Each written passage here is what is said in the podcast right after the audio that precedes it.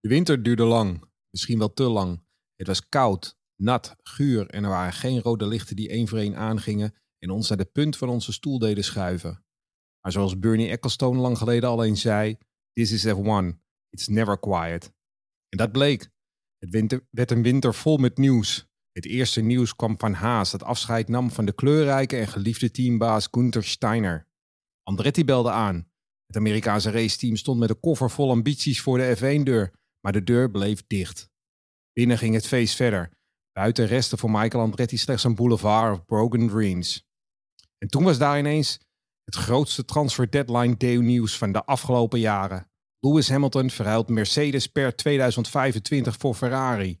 Boom! Die sloeg bij iedereen in. En wel het meeste in Brackley. Silly Season 2025 wordt hoe dan ook een epische aflevering. Nauwelijks waren de stofwolken van de transfer neergedwaald over Twix of daar was ineens het grote winterse schandaal. Christian Horner heeft zich ongepast gedragen. De speculatiemachine sloeg op hol. Verhalen over piemelpics of een harde managementstijl. Seksueel getinte berichten. Een machtsstrijd binnen Red Bull Racing. Steun van de Thais-eigenaar, maar tegenstand van Matesi Jr. Hoe het precies zit, weet vrijwel niemand nog. Maar dat het gevolg krijgt, lijkt wel duidelijk.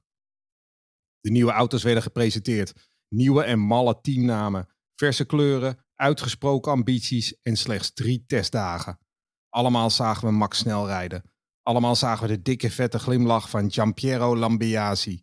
Twitter is er wel zo'n beetje over uit. Red Bull zal ook dit jaar te sterk blijven. Maar hebben we ons allemaal niet vaker vergist naar wintertest? Lopen verwachtingen soms niet volledig uit de pas met de realiteit? Wie weet. Waar hoop is, zijn verwachtingen. En waar verwachtingen zijn, volgen heel vaak een aantal verrassingen. Of, zoals een tweedehands autoverkoper al eens eerder zei, This is F1, it's never quiet. Welkom bij Race Reporter, de Formule 1 podcast. Aflevering 168 van Race Reporter, seizoen 8 van deze onafhankelijke podcast. Lucas Degen met beide Jeroens, zonder Alat Kalf. Die, uh, hij, hij is, uh, zijn bril ligt hier nog wel, maar Alat Kalf zelf is er niet. Hij was hier namelijk vorige aflevering in de 80 special.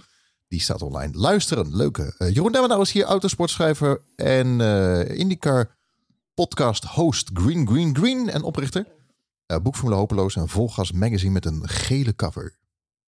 Nummer 10. Nummer 10. Nog een Hoe, paar weekjes wachten, dan ligt hij weer op de bus en in de schappen. Hoe, uh, wanneer was de eerste? Is dat alweer twee jaar geleden? Want door corona ben ik alle jaren. De eerste was begin 2021, ja. Dus uh, we zijn inmiddels alweer drie jaar. dit wordt onze vierde jaargang, denk ik. Ja, ja gaat snel hè? Gaat hard hè? Mooi is dat. En Jeroen Scholt is hier volger van uh, Formule 1. Uh, uh, niet volger van Drive to Survive, begreep ik net toen we de trap opliepen hier. ja, dat moet ieder voor zich weten. Maar ik ben er niet zo'n hele grote fan van, nee. Hm, jammer. Wel ja, fan van MotoGP. Nee. Ja. dat is mis je, niet begonnen dus. Mis je Valentino al? Nee. Dat is het enige nee, wat ik weet van MotoGP. nee, die mis ik niet. Nee. Wanneer is hij gestopt? Ook alweer twee jaar geleden? Ja, twee jaar geleden. Maar toen was hij al een tijdje over de hill. Dus ze waren er al langzaam aan gewend dat hij er niet meer echt ah, was. Oké. Okay. Ja. En je gaat dit jaar naar Assen? ik ga dit jaar naar Assen, ja. Met Charles? ja, ik ga Charles daar wel uh, Introduceren. Zien, ja. de, nacht van, uh, de nacht van Assen. Toch? Uh, dat is toch bekend? Nou ja, maar dan ben ik er niet op de nacht van Assen. Maar ik ben wel in Assen dit weekend, ja. Dus jij gaat met Charles hangen in, uh, in Assen en ik ga met Charles hangen ja. in Indianapolis. Ja, dat is mooi. Wauw. En Charles gaat met mij niks. met, jou, met jou gaat hij altijd naar België, ik toch? Ook, ik wil ook met ja, maar gaat met jou altijd naar België, naar Spa. Ja, dat is waar. Zei Jeroen Scholte, zijn nou dit weekend naar Assen? Nee. Oh, ik ga met het TT. Het zou een beetje lullig ja, zijn als ik nu al ga dit weekend. Gebeurt zo uh, weinig. ja, er gebeurt helemaal niks. Voordat we de diepte gaan, er is heel veel gebeurd. Um, dat oh. is natuurlijk ook besproken in het intro. Maar afgelopen maand heeft F1 TV de prijzen bekendgemaakt. Eerst uh, ging het met 30 euro omhoog voor een jaarabonnement. Met, uh, maar de jaarabonnementen hebben ze ook alweer afgeschaft. En nu kun je alleen nog maar een maandabonnement nemen. Maar volgens mij is dat alleen voor nieuwkomers. Hele uh, vaag onduidelijkheid. Bas van Bodegraaf heeft een mooi filmpje van gemaakt met de uitleg. Wat ook alweer gedateerd is, heb ik begrepen. Want het gaat alle kanten op. Viaplay heeft uh, prijsverhogingen doorgevoerd. Uh, F1 TV zit er dan gratis in. Dus uh, aan, aan, mij de vraag aan jullie, Jeroen uh, Demmenau bijvoorbeeld. Waar, waar kijk jij via natuurlijk Zweden? Maar wat, ik kijk al sinds jaar en dag via Viaplay. Via Viaplay. en dat abonnement dat loopt inmiddels al nou, bijna 15 jaar door. Ja. Ik ben uiterst tevreden Viaplay klant. Okay. En dan krijg ik dan natuurlijk ook, de, waar we het net hier voor de opname over hadden, de Premier League krijg ik erbij. En ik kan een beetje Eredivisie live kijken. En uh, IndyCar zit daar ook op. En uh, ik kan hockey kijken en uh, films en, en series. En, ja, nee, maar ik, wil, ik, ik, ik, ik vind Viaplay hier in ieder geval in Zweden hebben. Het is een geweldig pakket. En ja, natuurlijk, je betaalt er natuurlijk goed geld voor. Dat is nou helemaal zo. Maar ja. nee, ik ben heel tevreden over Viaplay. En jij, Jeroen? Ik kijk ook uh, via Play inderdaad. En dat, uh, maar de, ook om dezelfde reden. Het is niet alleen de Formule 1, want anders zou ik wel, waarschijnlijk wel F1 TV nemen. Uh, maar het is ook inderdaad de Premier League kijk, kijk, ik graag. En ik kijk ook heel graag naar darten. En dus dat, dat zit er ook allemaal bij. Dus dat, dat blijf ik wel kijken. Maar eind, dit, volgens mij het laatste contractjaar van uh, Viaplay met de Formule 1. Dus uh, moeten we even afwachten waar naartoe gaat. Ja, heel veel mensen denken natuurlijk meteen automatisch aan Ziggo. Maar volgens mij heb Viaplay vorige keer 30 miljoen betaald of zo. En ik weet ook niet, uh, dat zijn allemaal uh, flinke bedragen hè, om dat te betalen. Klopt. Het is niet zomaar eventjes dat Ziggo dat even overneemt allemaal. Nou Plus het ligt ook op de loer, of zeg, zeg je dat zo? De, die, nou ja, ja, en, ook, en, de, ja. en, het interessante natuurlijk is dat Canal Plus, wat eigendom is van Vivendi. En Vivendi is een nieuwe grote aandeelhouder in Viaplay. Oh joh. Dus uh, kijk, wat, wat hebben, nou, dat weet ik inderdaad, ja. Uh, nee, maar, maar, maar, natuurlijk, ik bedoel, de, de, problemen bij Viaplay, de financiële problemen bij het moederbedrijf zijn natuurlijk breed uitgemeten. Maar um, ze hebben ook heel duidelijk aangegeven dat ze weliswaar gaan afslanken, maar -hmm. ze gaan zich ook richten op wat ze dan noemen hun core market. En ja. dat is Scandinavië en Nederland. Ze willen heel graag Nederland houden, omdat natuurlijk de wereldkampioen uit Nederland komt. En ze weten dat de Formule 1 in Nederland ontzettend populair is. Dus um, ik weet inderdaad, wat, wat Jeroen net zegt, ja, er zijn heel veel mensen die denken van nou, Viaplay uh, is al uit de running en dat gaat wel weer terug naar of Ziggo of weet ik veel waar. Uh, ik zou ze absoluut nog niet uitvlakken, want ik denk uh, inderdaad dat ze, een, dat ze gewoon een bod voorbereiden op de, op de nieuwe rechten. Ik ben niet zo van de aandelen, maar ik volg op Google Finance, heb ik Viaplay gemarkt om te volgen. Nee, hmm. vorig jaar juni was het aandeel 80 kronen geloof ik en onlangs stond het op 0,8. Ja, nou voordat we nu de, de, de FD uh, uh, AEX podcast worden, maar dat, dat is op zich heel logisch. Omdat Viaplay zo in de financiële problemen kwam, hebben ze dus een heleboel nieuwe aandelen uitgegeven. Die zijn niet op de aandelenmarkt terechtgekomen, maar die zijn direct gegeven aan Vivendi en aan een andere grote aandeelhouder. Uh, en wat je dan dus krijgt is verwatering van het bestaande aandeel. Ja. Dus als jij inderdaad ooit destijds aandelen had voor 80 kronen, en opeens komt er een miljard nieuwe aandelen bij. Ja, dan verwatert dat gewoon. Dus die beurskoers. Kijk, er zijn heel veel mensen die denken een beurskoers. dat dat meteen direct iets zegt over hoe een bedrijf er financieel voor staat. Uh, zo, 1, zo 1 plus 1 is dat niet. Zo simpel is dat niet. Okay. Um, en, en Viaplay heeft dus van die nieuwe aandeelhouders. een flinke uh, nieuwe kapitaalinjectie gekregen. Dus uh, ze zijn nog niet weg. Heel veel, er zijn, financieel praten is heel populair in podcastland. Dus ik denk, hmm. ik gooi hem er even in. Uh, seizoen 6 van Drive to Survive. Nou, uh, jullie kijken daar niet naar Twitch, Jeroen. Maar kijk, heb je... Nou, nee, nou, nee. Want ik ben, dat wat ik altijd al voor mij al eerder gezegd heb, ik ben de doelgroep niet. Want Drive okay. to Survive probeert nieuwe fans naar de Formule ja, 1 te halen. En dat ben ik niet. Um, maar ik hoorde wel van iemand dat aflevering 2 van het huidige seizoen volledig in de teken staat van uh, um, Nick de Vriesgate. Okay. Um, dus ik zit eraan te denken om in ieder geval die aflevering even te kijken. Uh, want ik, had, ik hoorde van verschillende mensen dat dat nog wel interessant kon zijn. Um, okay. Maar verder, nee, ik, ik ga er niet voor zitten. Sorry. Okay. Nou, ik noem het tegen wat Bedflix, Bankflix. Lekker, lekker zitten. Uh. Tien afleveringen. Waar gaan we het over hebben in deze aflevering? Haas wisselt van Team Haas uh, woordgrap. yeah, omdat yeah. Pasen eraan komt natuurlijk. Die helemaal zelf bedacht, uh, Lucas. Ja, ik kreeg zelfs al klachten op Twitter erover, over die woordgrap. Andretti uh, mag voorlopig niet meedoen. We gaan het hebben natuurlijk over Hamilton. de contracten die aflopen. Ford-baas die in het nieuws is vanwege Horner, de zaak. En de wintertest natuurlijk de vooruitblik op de Grand Prix van Bahrein. Um, ik moet ook weer even inkomen hoor. Gingen wij nu uh, naar door, ja, je gaat nu door. Je gaat nu gewoon door naar het volgende punt, ja. uh, Lucas. Ja. Wintervol nieuws. Formule 1 bleef de headlines domineren met Gunther Steiner, Andretti, Hamilton en Horner. Uh, laten we beginnen met Gunther Steiner, de smaakmaker in de Formule 1 en ster van Drive to Survive. Waarom hij weg moest. Ik zag iets over op Twitter. Er had iemand iets gezegd. Hij zou een deal binnen hebben gehad voor 20 miljoen.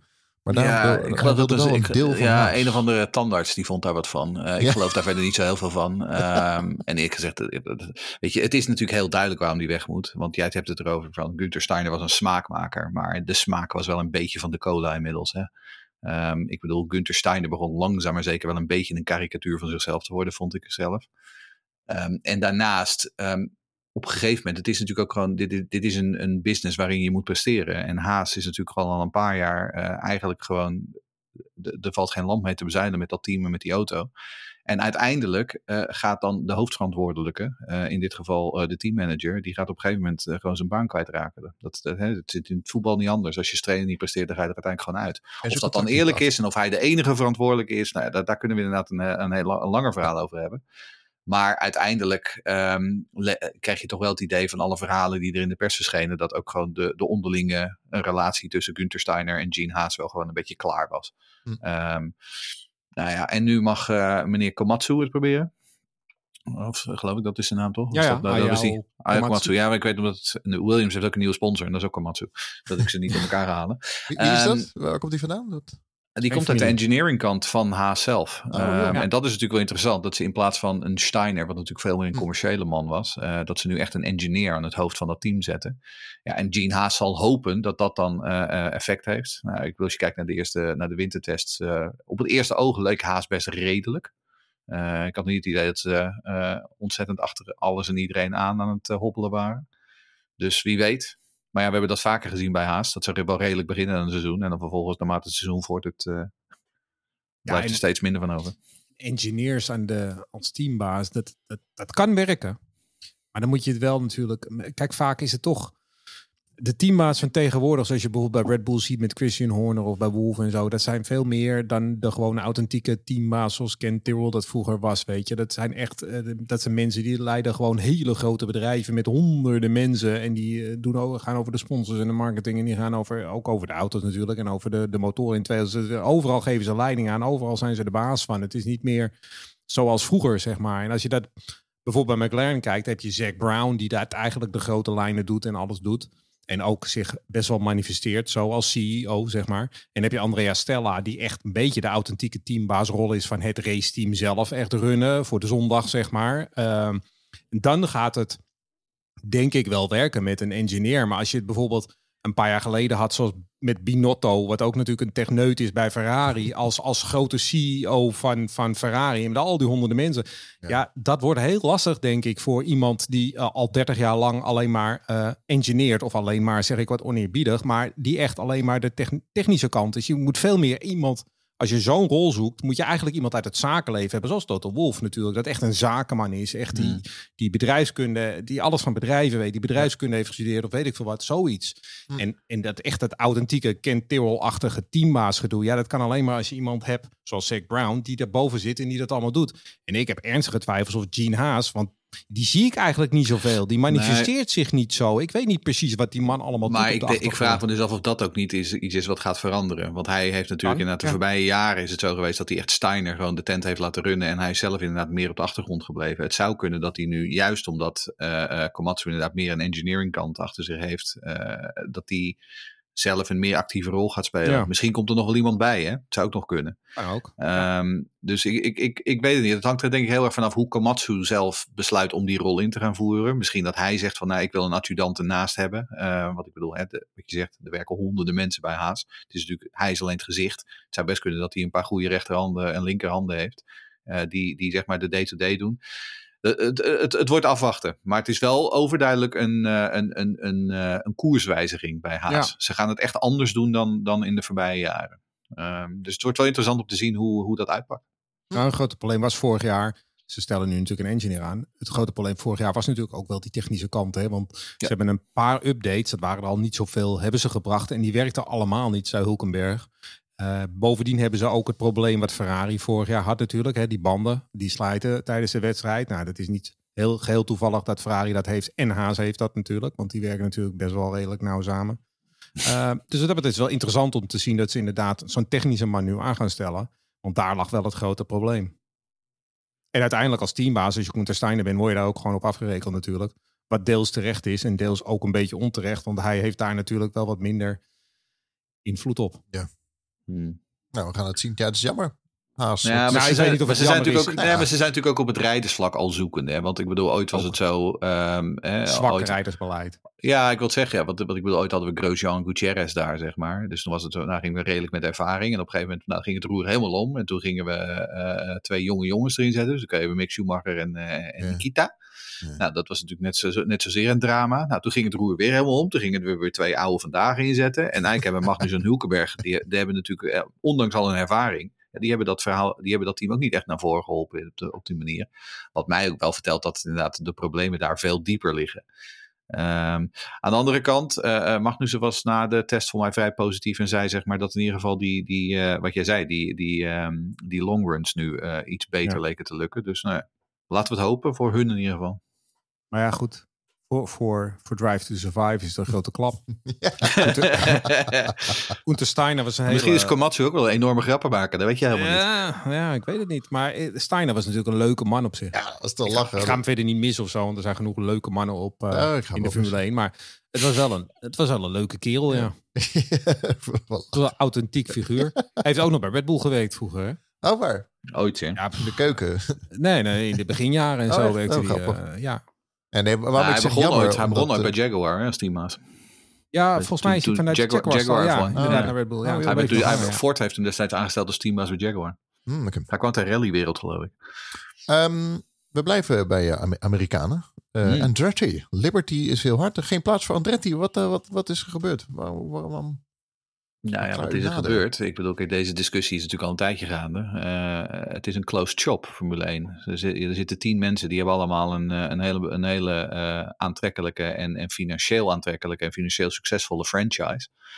Ehm, en Andretti heeft gezegd, wij willen daar wel graag bij komen zitten als elfde team. En die andere tien dachten, ja, maar dan moeten wij zeg maar die taart die we nu met z'n tienen Ja. verdelen, moeten we opeens met z'n elfen verdelen. Nou, ehm, het enige is natuurlijk alleen, en dat is wel hetgene wat mij het meest tegenstaat, is dat dan vervolgens ehm, de manier waarop het vervolgens eh, ehm, naar buiten gebracht wordt, waarom ze nee zeggen, dat het te maken heeft van ja, we geloven niet zeg maar, dat de Andretti-naam eh, toe- eh, Mhm. een toegevoegde waarde gaat zijn voor de Formule 1, wat natuurlijk een volslagen krankzinnige redenering is. Ehm, ik bedoel, we worden gewoon gegaslight waar we bij zitten. Eh, ik heb zoiets, weet je, zeg het dan gewoon. Dat je zegt van ja, dan weet je, op dit moment commercieel hebben we hier gewoon geen zin in. Ehm, de Formule 1 is goed, gaat goed zoals het is. eh, en eh, we, gewoon nu niet. Maar om dan inderdaad daar dan ook hè, op basis, niet alleen te zeggen van ja, weet je, we hebben het commerciële ding, maar om dan ook zeg maar de Andretti's als het ware gewoon nog te beledigen waar ze bij staan.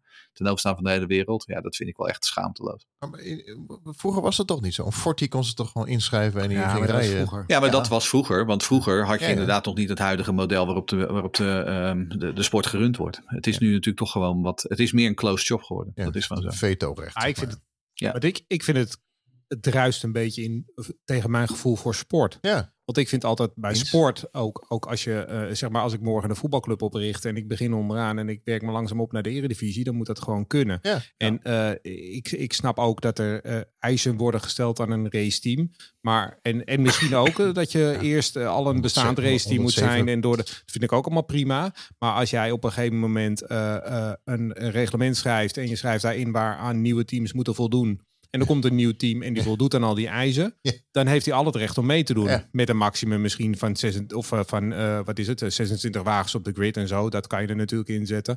Maar voor de rest vind ik gewoon, het, het moet een vrij toegankelijke. eh, als je je kwalificeert, mag je meedoen. Dat is wat ik vind van sport. En dat is hier gewoon niet. Het is een sectarisch groepje waar rivaliserende teams die andere belangen hebben, jou gewoon kunnen tegenhouden. En dan zeggen ze ja, maar die teams hebben geen bevoegdheid. Nee, officieel niet, nee. Maar als die teams allemaal hadden gezegd ja, graag, dan had Liberty dat ook gezegd natuurlijk. Ja, tuurlijk. Nee, dat is ook zo. Nou, en sterker nog, dat voetbalmodel wat jij suggereert, ook dat is er niet. Want we weten dat ook Rodin Carlin en ook Hightech eh, een, een aanvraag hebben ingediend. En die zijn ook afgewezen.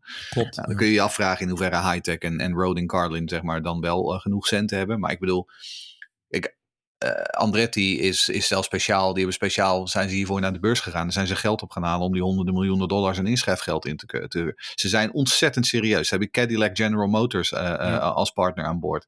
Ik bedoel, het is, het is, en dan hebben ze de Andretti-naam. Wat die in Amerika, dat is echt, dat is de gold standard. als het gaat om racehistorie. Uh, nou, uh, we hebben een sport die heel graag in Amerika meer uh, zo dan de dijk wil zetten, meer voet aan de grond wil krijgen. Het slaat helemaal nergens op, de, de redenering die naar buiten gebracht is. En dat, dat, is, dat is het meer gewoon. Er wordt gewoon een vuil spelletje gespeeld. En dat, dat staat mij nog wel het meeste tegen. En dan is er nog het verhaal waarvan ik niet weet of het waar is. Maar dat achter, achter de rug om van Andretti is General Motors nog benaderd door de Formule 1. Of ze niet interesse hebben om via een ander team de Formule 1 in te gaan. Maar dat is een gerucht wat ik dan heb gelezen. Of een verhaal wat ik dan heb gelezen. Dat weet ik niet of dat waar is. Maar dat zou helemaal schandalig zijn natuurlijk. Waarbij ze overigens gezegd hebben dat ze dat absoluut niet doen. Maar um, dat zou helemaal wat zijn. Ja, ik vind het echt heel raar. Dit. Als je toch ook gewoon een, een podcast wil beginnen, moet je, kan je, als je een omroep wil beginnen, je hebt genoeg leden. Hup, nou, dat vind ik dus. Je moet als, jij, als er gewoon, aan de regels. Als er gewoon een reglement wordt gezegd, je moet hier aan voldoen, dan moet je gewoon, ja, pats, boem. Belachelijk. Ja. Maar dan komt er dus nooit een ander team. Nou, dat nou, in niet, dus. niet onder de huidige uh, bestuurders van deze sport, nee. Dat zit er op dit moment zit het er gewoon niet in.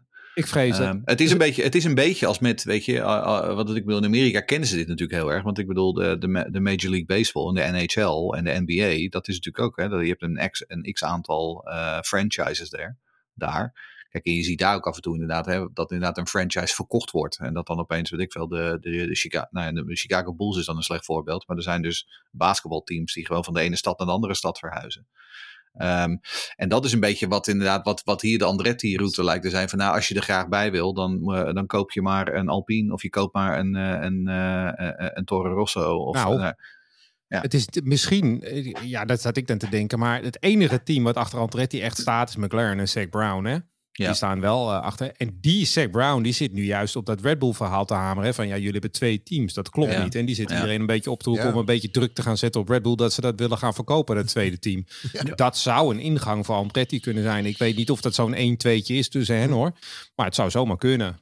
Nee, en ze hebben een nieuwe hoofdsponsor. Brown druk zet. En ze hebben een nieuwe hoofdsponsor Visa, wat natuurlijk gewoon een uh, groot Amerikaans bedrijf is. Dus Zeker. Bedoel, ja. um, die zou zich ook misschien wel graag met de Andretti naam willen, willen laten zien. Dus ja, ik, ik weet het niet. Uh, maar het is, ik, ik ben het met je eens, Lucas. Ik, uh, ik ben nog van de oude stempel. Als jij gewoon mee wil doen, dan moet je gewoon twee auto's kunnen bouwen en gewoon je in kunnen schrijven bij de VIA. Uh, ja, dat vind ik ook. Wordt vervolgd. Silly Season was het eigenlijk de hele winter niet. Eerste seizoen volgens mij zonder transfer. ook het jaar zonder rookie dit jaar. Maar ineens viel het bommetje. Ik weet niet eens meer wanneer het was. Maar op dinsdagmiddag geloof ik Hamilton verruilt Mercedes in voor Ferrari. Ik gooi het nog in de groepsapp. Ik geloof het zelf niet eens. Maar iedereen zei, ja, het zal wel. Heel veel mensen, vrienden om me heen ook. Ja, dat zal wel. ja, ja Want er is, ik, geloof het, ik, geloof het, ik geloof het echt niet. Ik, hè? Hoe dan? Maar toch uh, gebeurt.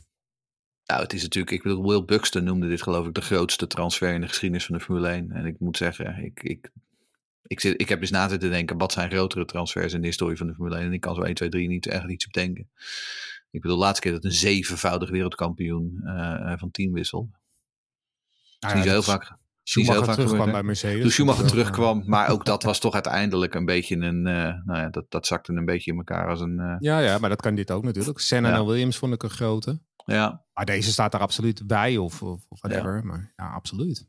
Ja, en ik bedoel, hè, wat jij in de intro al zei, 2025, dat silly season wordt natuurlijk geweldig. Want dat heeft natuurlijk allerlei implicaties voor de rijdersmarkt. Ook met, omdat, met het feit dat heel veel contracten aflopen. Um, maar uh, Ferrari zegt Hamilton en Leclerc. Wat een rijdersduo zeg. Nou, uh, dat, dat, is echt, echt waanzinnig. Dat vind ik echt heel leuk om te gaan zien, die strijd. Ja. Ik ben daar heel erg benieuwd naar. Maar wat ik nog wel wat, wat mij dan wel weer opviel, dan zie je naar die bewegingen zit ik te denken. En heel veel mensen zeggen van ja, Hamilton heeft altijd een zwak voor Ferrari gehad. Maar ik vind dat dus wel meevallen. Hè?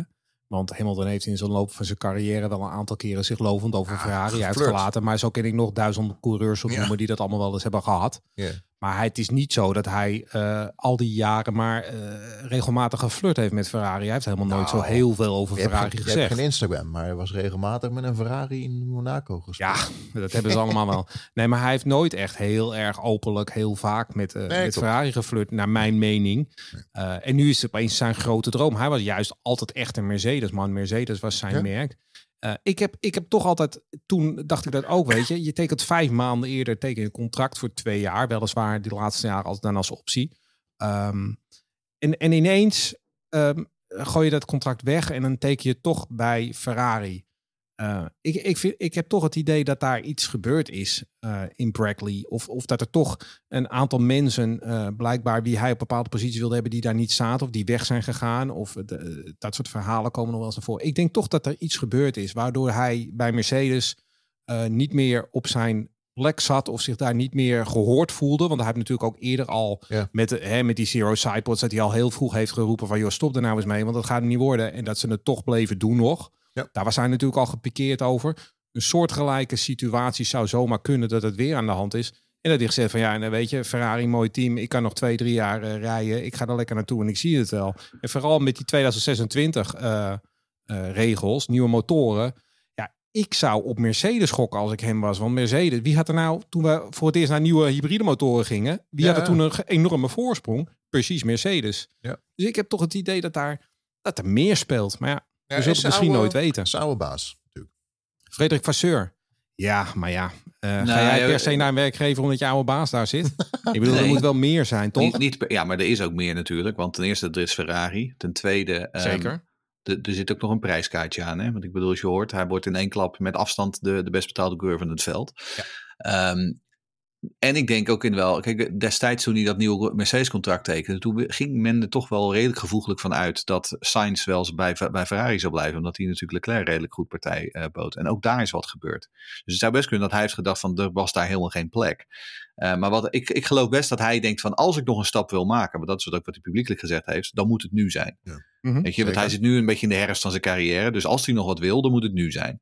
Ja, en dan zou best kunnen dat, weet ik veel, hij en Vasseur uh, op een gegeven moment op een avondje over hem uh, onder het genot van een biertje gewoon even zitten ouwe hoeren. En van, ja, maar zullen we dit niet gewoon eens gaan doen dan samen? Um, apropos Vasseur trouwens, want ik bedoel, we hebben ook nog een vraag van Bob van Valkenhoef hierover. Want um, we hebben natuurlijk ook weer de nodige vragen gekregen. Dank jullie wel daarvoor. Um, uh, Bob die vraagt, betekent dit dat Vasseur dit jaar niet hoeft te vrezen voor zijn baan? Nu duidelijk is dat hij een grote invloed heeft gehad bij de komst van Hamilton. Nou ja, kijk, je kunt je natuurlijk bijna af gaan vragen of dit misschien niet allemaal bij design geweest is. Um, en alsof Vasseur niet um, uh, met opzet ook deels hierom naar binnen is gehaald daar. Um, kijk, ik denk inderdaad, voor mij hebben we dat vorig jaar ook een aantal keer gezegd. Ik denk dat Vasseur wel weet wat hij doet. Ik denk ook dat Vasseur vooral tijd nodig heeft om Ferrari weer op de rit te krijgen. En dit zal ongetwijfeld een onderdeel zijn van zijn grote masterplan. Um, want ik denk wel bijvoorbeeld dat ook een Charles Leclerc, als je Lewis Hamilton naast je hebt zitten, ja, dan moet je gewoon 110% zijn, hè, elke wedstrijd. Uh, en als je Carlos Sainz naast je hebt zitten, dan kan je dat af en toe nog wel een beetje met op 97% redden. En ik denk dat dat bijvoorbeeld dat dat een belangrijk verschil, uh, verschil is. Um, dus ja, ik denk inderdaad dat dit, dit zou best wel eens onderdeel kunnen zijn van, van Vasseurs grote masterplan. Um, en en um, ik ben, wat ik zeg, ik ben, ik ben, ten eerste ben ik onder de indruk dat hij het voor elkaar heeft gekregen. Ten tweede ben ik ontzettend benieuwd hoe dat in 2025 inderdaad uh, met die twee gaat. Uh, en, en daarna uiteraard. Ik moet wel zeggen, ik vind het super stoer van Hamilton. Dat hij dit op, op 40-jarige leeftijd, naast iemand als Leclerc, Leclerc, die daar ten eerste al jaren zit, ten tweede best hoog aangeschreven staat, en ten derde heel snel is over één ronde vooral. Uh, dus die is moeilijk te verslaan. Ik vind het super stoer dat hij dat doet. En Leclerc, ja, voor Leclerc vind ik het echt een geweldige uitdaging. Want ik las dat mensen zeiden van ja, als hij het had geweten, had hij niet bijgetekend. Nou, ik denk dat het echt bullshit is. Ten eerste, Leclerc is Ferrari, zeg maar. Ik zie hem, hè, dat, dat is gewoon een fan. Uh, ten tweede, waar had hij naartoe moeten. Uh, maar ten derde, uh, naast Hamilton, dat wil hij toch? Hij kan helemaal niet verliezen, Leclerc. Want als hij verliest van Hamilton, zegt iedereen, ja, he, dat is niet zo gek. hij kan zich meten met de beste, ja? weet je, aller tijden. Als hij als hij Hamilton verslaat, dan zegt iedereen, nou die Leclerc is echt goed hè. Dat, dat zeg, ik, al, zeg ik al jaren over Rosberg. ja, nou ja goed, maar Rosberg heeft het inderdaad wel goed gedaan. Maar ik vind, ik, en ik heb al het vertrouwen in Leclerc dat hij dat ook echt gaat doen. Ja, ik ook. Ik, ik heb echt heel veel vertrouwen in Leclerc. ik vind het echt een fenomeen die jongen. En uh, ik vind ook dat hij ten onrechte een reputatie heeft van iemand die te veel crasht, want dat valt gewoon heel erg mee. Ja, de, uh, de, de vraag is natuurlijk wel. Maar ik vind wel, ik vind, ik, zo'n Hamilton, wat Jeroen ook zegt, dat kan net een stukje meer motivatie nog aan die jongen geven. Hij moet echt 110% zijn. En uh, ik, ik denk dat dat alleen maar goed is voor die jongen. En het team inderdaad, ja. ja. Hm. Maar hoe gaat het intern? Want um, Ja, hoe, hoe gaat het? Ja, dat kan gaan strukkelen natuurlijk. Ja, kan dat gaan strukkelen. Precies, maar gaan, gaan ze tegen Lewis opkijken? En als Lewis zegt, ja, ik wil dat op de auto en ik wil dat de auto's dit en dat. Oh, dat gaan we meteen doen, Lewis. Dat is ook nog maar Ja, de ik vraag denk dat Leclerc contractueel ook wel heeft staan dat hij ook gewoon. Het zal geen eerste, tweede rijder zijn. Nee, dat zo bedoel ik niet. Maar Eh, gewoon de Ja, maar je autoriteit. wilt toch naast Hamilton. Je wilt toch ook naar Hamilton luisteren. Die heeft Ja, toch heel veel ervaring. Die weet precies hoe, die, hoe dat altijd bij Mercedes, wat echt een machine was, heeft gewerkt. Dus ik denk dat het alleen maar goed werkt. Denk dat Leclerc ook heel goed moet luisteren naar Hamilton. Ik denk dat hij er alleen maar van kan leren. Maar, grote maar, want dat hebben we vaker gehad. eh, Schumacher ging naar Ferrari en die nam Jean Todt mee, Ross Brawn, weet ik Ja, dat gaat niet gebeuren, denk ik. Nee, dus we moeten dat ook niet... ja, Alonso hebben ze geprobeerd, Vettel hebben ze geprobeerd. We, we zeggen het vaker, er zitten te veel eh, piep, Janen bij eh, Ferrari. Ja, maar dat, dat, gaat dat gaat ook niet. hè. Ik bedoel, de, de, er mogen er maar drie binnen het budgetcap, mogen er maar buiten de rijders maar drie teamleden heel veel Klopt, geld ja. verdienen. Ja. Eh, dus, dus de rest heeft gewoon een beetje pech. Dus al die mensen overnemen, dat is ook niet zo Nee, maar makkelijk. ik bedoel, de cultuur intern moet ook wel mee groeien met Lewis. Ja, dat is aan dat Vasseur. is, eh, ja, precies. Nou ja, maar dat is het. En ik denk, en daarom vraag ik me dus af of Vasseur en Hamilton niet samen een gesprek hebben gehad. Waarbij Vasseur een soort van visie heeft uitgelegd. Ja. eh, en heeft gezegd van kijk, dit is wat ik ga doen. Eh, ik weet, dit zijn de problemen die ik zie bij Ferrari. Dit is wat ik ga doen. Ja, Leclerc wil ik er absoluut bij houden. Want dat is gewoon, die is uitstekend. Ehm, maar ik wil jou er ook bij hebben. Want nou ja, eh, ervaring, eh, je absolute kwaliteiten enzovoort enzovoort. Ehm, en het zou heel goed kunnen dat hij gewoon eh, een verhaal aan Hamilton verkocht heeft. Waarbij Hamilton dacht van damn, ehm, nu ga ik het doen ook. Het is klaar. Ehm, want, want nogmaals, als ik nog wat wil, dan moet ik het nu doen. Ja. En niet over drie jaar. Heb ik een theorietje dan? Want Lewis Oh. wilde toch op een gegeven moment ook aandelen in Mercedes? Misschien gaat Lewis wel wat meer en hoger op in de boom als hij uit het auto stapt. Jij bent wel van de aandelen vandaag, hè? Nee, nee, Ja, hij doet nee, even bedoel, die, FD, misschien die gaat hij- FD-podcast. Nee, wie maar ik wil wat ik net al zeg. zitten. Ja, maar wat ik net al zeg, Lucas. Ik bedoel, ehm, kijk, sowieso gaat hij er eh, financieel enorm op vooruit. Ehm, Kijk, ik bedoel, hij gaat natuurlijk ook, want commercieel is hij natuurlijk van onschatbare waarde hè, voor Mhm, Ferrari. mhm. Dit is echt, dit is, dit is voor Ferrari, die, dat, ze- dat salaris, dat verdienen ze binnen, binnen twee maanden terug. Ehm, Aandelen, weer de aandelen zijn 10% gestegen. en de aandelen inderdaad. Want dat zag, dat zag je ook op de dag dat dit werd aangekondigd. Ja. Eh, kijk, ze hadden ook hele goede, jaar, ze hadden goede jaarcijfers. En ze hadden dit. En je kreeg zo die double whammy. En die, en die aandelenkoers die schoot de lucht in. Ja, dat logisch ook. Want als ik aandeelhouder Ferrari ben, dan denk ik van yes. Ja. De zevenvoudig wereldkampioen in mijn auto's van, van 2025. Dat is Messi bij geweldig. Inter. Ja, Miami dan. Zoiets, Ja. ja.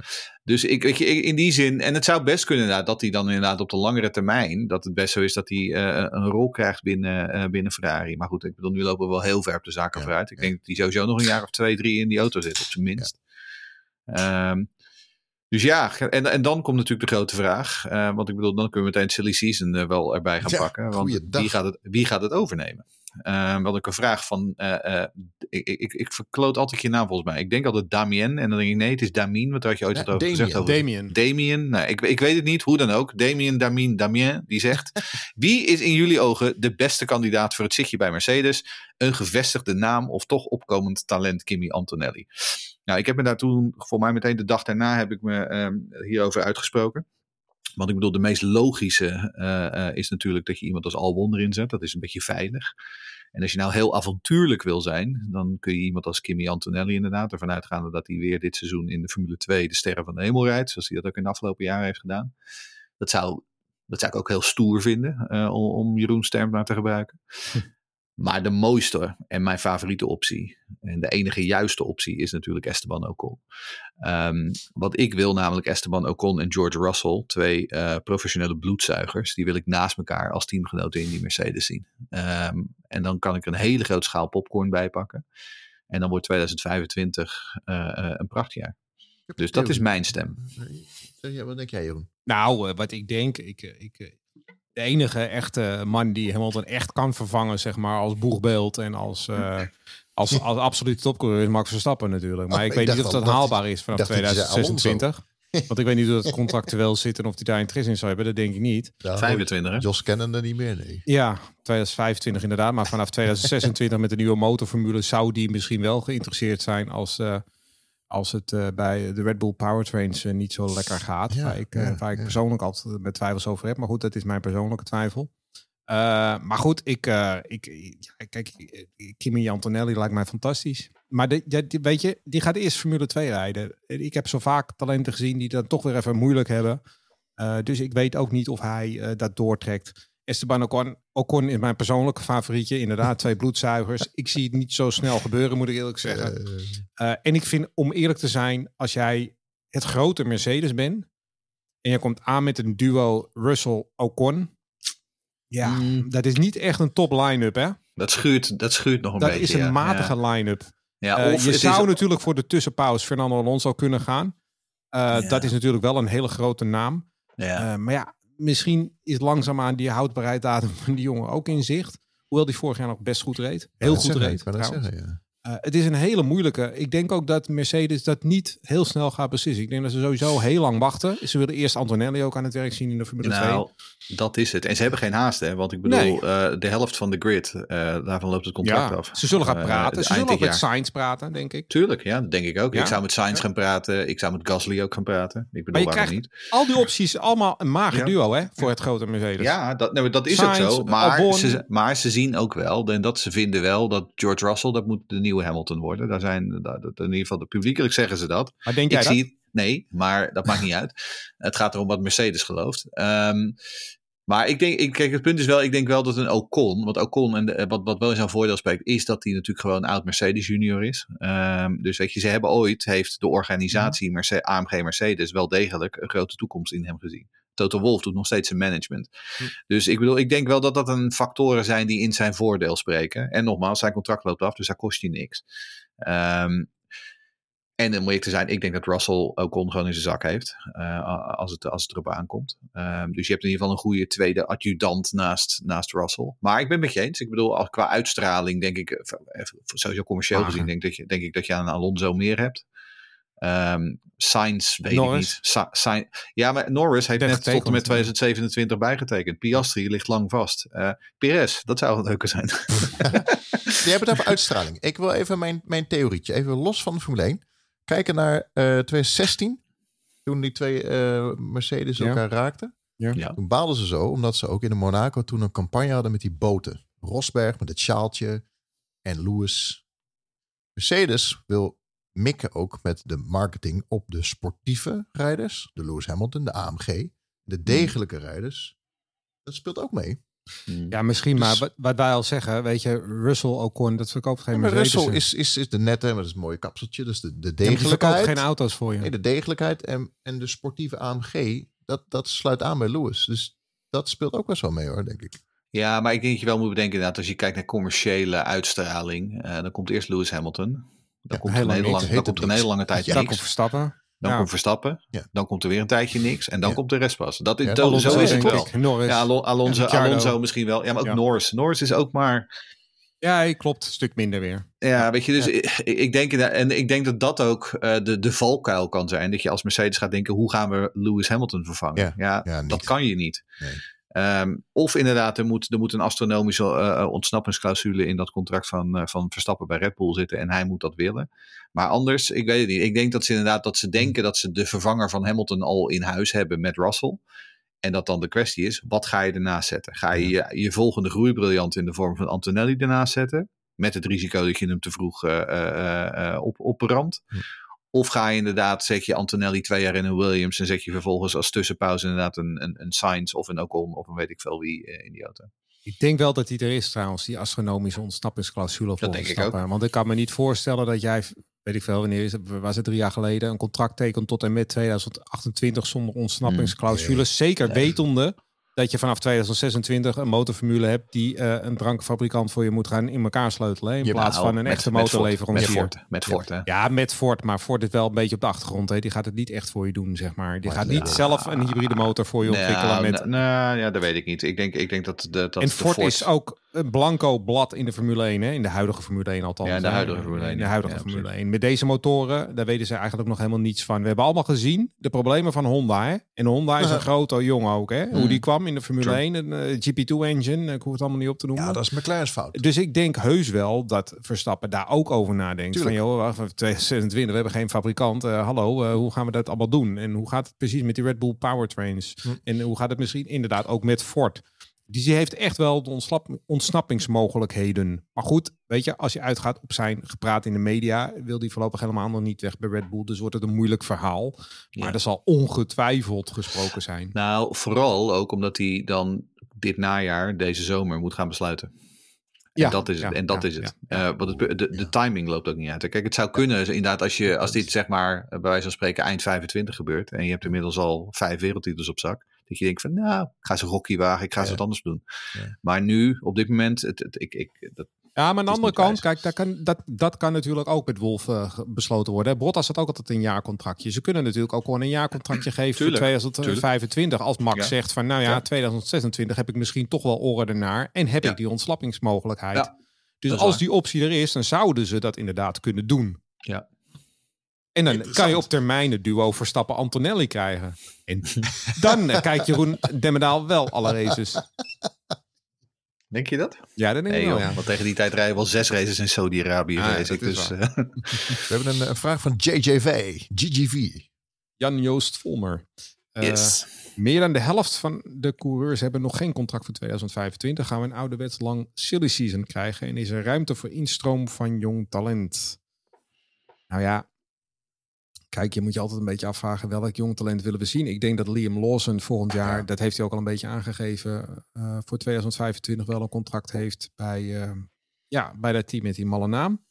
En, eh, Bij Minardi. Minardi noemen we bij. Minardi en, en Toro Rosso. En ik heb hoop op, inderdaad, als hij het goed gaat doen, op Olly Berman. Dat hij wellicht de mogelijkheid krijgt om Berman, bijvoorbeeld zit bij... Berman zit volgend jaar in een haas, trust me. Ja, dat wou ik zeggen, bijna haas. Ja. Bijna haas, inderdaad. En nou, nou, ik heb eh, uit een zeer betrouwbare bron ongeveer drie seconden geleden eh, eh, gehoord dat het ook echt zo is. Ja. En, ehm, en ik heb hoop op Antonelli bij, in ieder geval bij Williams. Ik, ik weet niet of, het is niet echt het Mercedes-model om jonge jongens meteen in te laten stromen. Dus ik denk dat ze dan eerst voor de Williams-methode gaan. Maar voor Antonelli zal gelden eh, dat hij echt wel de eerste, de, de opening van het Formule 2 seizoen al echt wel indruk moet gaan maken. Nou, maar dat is het. Kijk, Eh, ik en hij eh, in een prema wel, maar wel naast Berman. Kijk, hè? wat Ante, want ik denk wel dat Antonelli de potentie heeft om een, een nieuwe impact te maken qua, qua een nieuwe Verstappen. Ik bedoel, hij heeft natuurlijk in, de- in de Formule 4 won hij alles wat, er, wat, er, wat, wat hij kon. Vervolgens won hij in Freka in zijn eerste seizoen alles wat hij kon. Hij slaat nu de Formule 3 over. Als hij nu in de Formule 2 ook zijn eerste seizoen bij Prema meteen de titel pakt, dan sluit ik niet uit dat ze het aandurven, omdat dan de hype zo enorm gaat worden. Ehm, ook in Italië. Ehm, eh, weet je, ik bedoel, het, het, is wel, eh, het, is, het lijkt wel echt een generationeel talent te zijn, in ieder geval. Ehm, er zijn het afgelopen jaar eigenlijk niemand die dit gedaan heeft wat hij heeft gedaan. Met uitzondering dan van bijvoorbeeld een Leclerc, wat Leclerc deed. Eh, want die won ook alles in, in zijn eerste seizoen. Van Doorn misschien. En van, van Doornen, maar die, Van Doorn had er twee jaar voor nodig, bijvoorbeeld in F2. Ehm, Dus ik, ik denk, het, maar ik denk, ik denk eerlijk gezegd dat Antonelli, als hij dan niet naar Mercedes gaat, dan denk ik dat hij volgend jaar al in de Williams zit. Ja, ja, dat, ja. ehm, Misschien is dat ook een betere methode hoor. ja betere nou, route. dat, dat denk ik eerlijk gezegd ook. Maar ja. eh, Zelfs eh, Max ging eerst naar Toro Rosso, hè, dus... eh, dus zo is het, absoluut. Ehm, nee, maar ik, ik, ik denk Beerman dan inderdaad. Beerman volgend jaar bij, eh, bij, eh, bij Haas, dat lijkt me een shoe in. Hij is dit jaar al eh, Ferrari-reserve, officieel. Ehm, dus hij is Ja. reservecoureur voor Ferrari. Ehm, Maar goed, voor en, Antonelli geldt ook als hij het seizoen heel moeilijk begint in de Formule 2. Ja, dan, dan komt er alweer. Je moet Misschien wel in de zomer gaan tweede, beslissen. ja, schreef je hem nog een tweede jaar. Ja, precies. Ja. Kijk, het voordeel is natuurlijk, hij is pas eh, eh, eh, 18, eh, 17 jaar. Hè? Dus ik bedoel, hij is natuurlijk, hij, hij begint eigenlijk, eh, hij kan makkelijk nog twee jaar door. Oh, dat Ber- eh, Berman is ook pas 18 of 19. Je moet nog wel even de vraag beantwoorden die we continu krijgen. Heeft Oh. hij genoeg licentiepunten? oh ja, dat was die heerlijke vraag. Ja, ja, dat heeft hij echt al heel lang. Ja, ja. Oké. Volgende week al- het nog een keer, hè? Die, die, had hij, die had hij al eh, nog voordat hij aan de Formule 2 begint. Oké. hij heeft er geloof, ik, had, ik had het op een gegeven moment zitten rekenen. Ik geloof dat hij iets van 57 heeft of zo. Eh, Alleen met zijn Formule 4 en zijn uh, Freka-resultaten. Dus nee, die licentie is echt geen probleem. Voor Berman ook niet trouwens. Berman heeft hem ook al. Dus Over eh, punten gesproken. Strafpunten voor Christian Horner. ja, Raar verhaal. ja, ja, wat moeten we daar nou eigenlijk over zeggen? Ehm, ik vind het heel lastig om er eigenlijk wat over te zeggen. Ja. Eh, vooral omdat we nog steeds eigenlijk niet precies weten wat er gaande is. Het enige waar, waar we ons natuurlijk op hebben moeten richten is eh, de berichtgeving in de Telegraaf van, eh, van eh, Erik van Haren. Ja. Ehm, die dat denk ik heel correct en heel secuur heeft gedaan. Ehm, Maar uh, we weten, er loopt een onderzoek. We weten dat Horner inmiddels geïnterviewd is door uh, een interne of door een externe consultant slash advocaat die door Red Bull is ingehuurd om dit te onderzoeken. Er loopt dus een onderzoek en dat moeten we afwachten. Het is wel duidelijk dat Christian Horner niet van plan is om zelf prematuur de handen op te gooien. Want hij was gewoon bij de tests. hij heeft ook publiekelijk gezegd, ik, ik ga nergens heen en alles, alles wat er geroepen wordt is niet waar. Um, en dat is, het, dat is het enige wat ik er denk ik op dit moment over kan zeggen. Um, we moeten afwachten. Ja, feiten. Ford zet de drukker vandaag weer op, hè? Ja. En zo zullen meer sponsoren, zeker ja, dat is wel interessant. Ja. Die worden natuurlijk wel uh, nerveus van dit soort gedoe. En ik moet ook zeggen, het duurt ook best wel lang, toch? Ik bedoel, dat, dat, dat gesprek dat, zou, dat was nog voor de test, dus dat is een week of twee geleden, kleine week of twee geleden. Hmm. Um, en uh, ja, het, uh, duurt maar en het duurt maar. Maar goed, hè, uh, Helmut Marco zei ook, zo'n onderzoek moet gedegen gebeuren. En ja, goed, het is toch meer een kwestie van praten met mensen en praten met de omgeving. Dus dat zou toch redelijk snel. En ik kan me ook alleen maar voorstellen dat uh, als Red Bull Racing zijnde, maar ook als Formule 1 zijnde, je, en zeker als, als de sponsoren, je wilt dit voor voordat het seizoen gaat beginnen. En dat begint aanstaande donderdag mm. al hè, met de eerste test.